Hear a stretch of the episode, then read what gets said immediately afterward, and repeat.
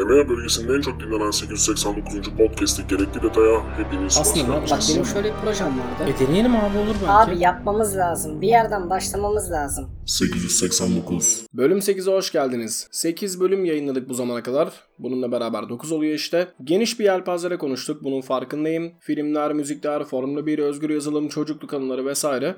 Gerekli detayın olayı bu işte aslında. Açıklamada yazanı birebir tekrar edeyim. İlginç bulduğumuz detayları ve tespitleri paylaştığımız bu yayınlarda bir yerlerde işimize yarayacağını düşündüğümüz bilgileri arşivliyoruz ve farklı ilgi alanlarını bir araya getirmeye çalışıyoruz. Dinleyen, takip eden, destekleyen herkese teşekkürler. Geçen bölümde bahsettiğim katkı verme olayını tekrar edeyim.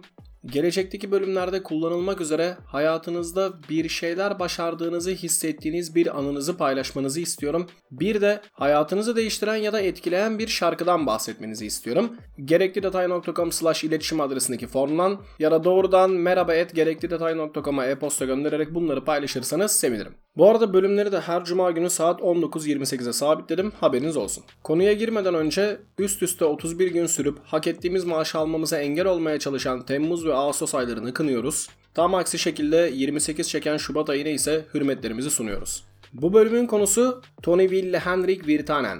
Kim ki o? Sahne adıyla bilirsiniz daha çok. Darud. Darud deyince tanımayanlar da oluyor. Sandstorm arkadaşlar. Hani Sandstorm deyince de bilmeyenler oluyor bazen. E illa yaptıracaksınız değil mi onu? Du du du du du du du du du şarkı var ya o işte. 17 Temmuz 1975 doğumlu Finlandiyalı DJ ve yapımcı. Yep geçtiğimiz günlerde doğum günüydü. Keşke o zaman çekseydik bölüm ama başaramadık. Geçmiş doğum günün kutlu olsun abi. Müzikle ilgilenmeye Turku Politeknik ya da yeni adıyla Turku University of Applied Sciences'ta öğrenciyken başlıyor. Bilgisayarındaki tracker yazılımları kullanarak bir şeyler ortaya koymaya çalışıyor. Tracker yazılımlarla ilgili birkaç gerekli detay verelim. Bunlar şu şekilde çalışıyor. Farklı kanallara konumlandırılmış müzik notaları ya da sample sesler diyelim. Bunlar bir zaman çizelgesi üzerine yerleştiriliyor bu yazılımlarda. Küçük küçük sesler sıralanıyor bir nevi. Sesleri kesme, seslere efekt ekleme gibi işler de yapabiliyorsunuz bu yazılımlarla. Bu ismin geldiği yer de ilginç. Karsten Obarski tarafından yazılan ve 1987 yılında Commodore Amiga için çıkan bir yazılım var. Ultimate Sound Tracker. Bu program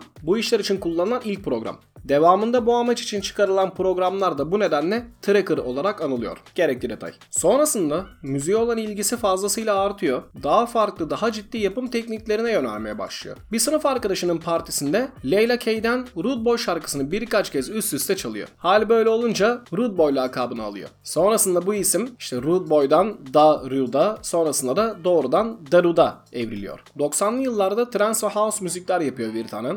97 yılına gelindiğinde radyolar için vesaire demolar çıkarıyor. Hatta kendi şarkılarını o yıllarda mp3.com'a yüklüyor. Yani müziğini tanıtmak için internette paylaşma durumunun öncülerinden de aynı zamanda. 1999 yılında ise Yako Salovara'yı yani JS16'i dinlerken aklına geliyor. Elindeki şarkıyı bu arkadaşa vermek istiyor dinlemesi için. CD'de bir tane şarkı var. Henüz bir adı yok şarkının. En sevdiğimiz şekli işte yani Untitled ya da böyle track 1 falan. Neyse bir hafta sonra haber geliyor bir tane. Yako diyor ki birlikte çalışmak ister misin? Sonra da Yako'nun 16 Inch Records şirketiyle anlaşıyor. Yako Darud'un yapımcısı oluyor. Sürecin devamında bir single çıkıyor piyasaya. İşte o single da Sandstorm. JS16 ile ilgili de bir gerekli detay vereyim. Bone Funk MC's'in meşhur şarkısı var bir tane. Bilirsiniz. Freestyler. Aklımıza alıyordu küçükken. O şarkının da yapımcısı aynı zamanda. Darud, Sash, Scooter, Fateless, Antelope gibi isimleri dinliyor o dönemde. Scooter'ın How Much Is The Fish şarkısını biliyorum mesela. iyidir. Fateless'ın da bir şarkısı var. Bence hepimiz biliyoruz. Insomnia.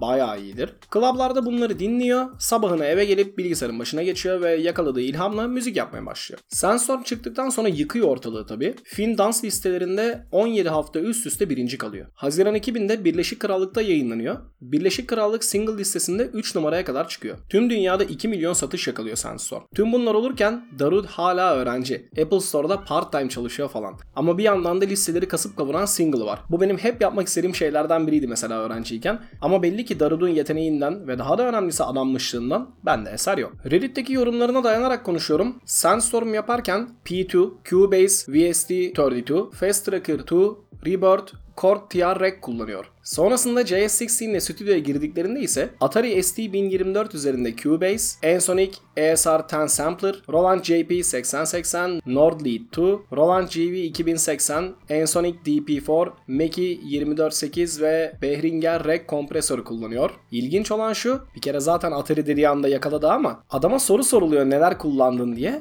Verdiği cevap bu. Bu cevabı şarkıyı çıkarttıktan 15 yıl sonra veriyor. Müthiş bir şey bence.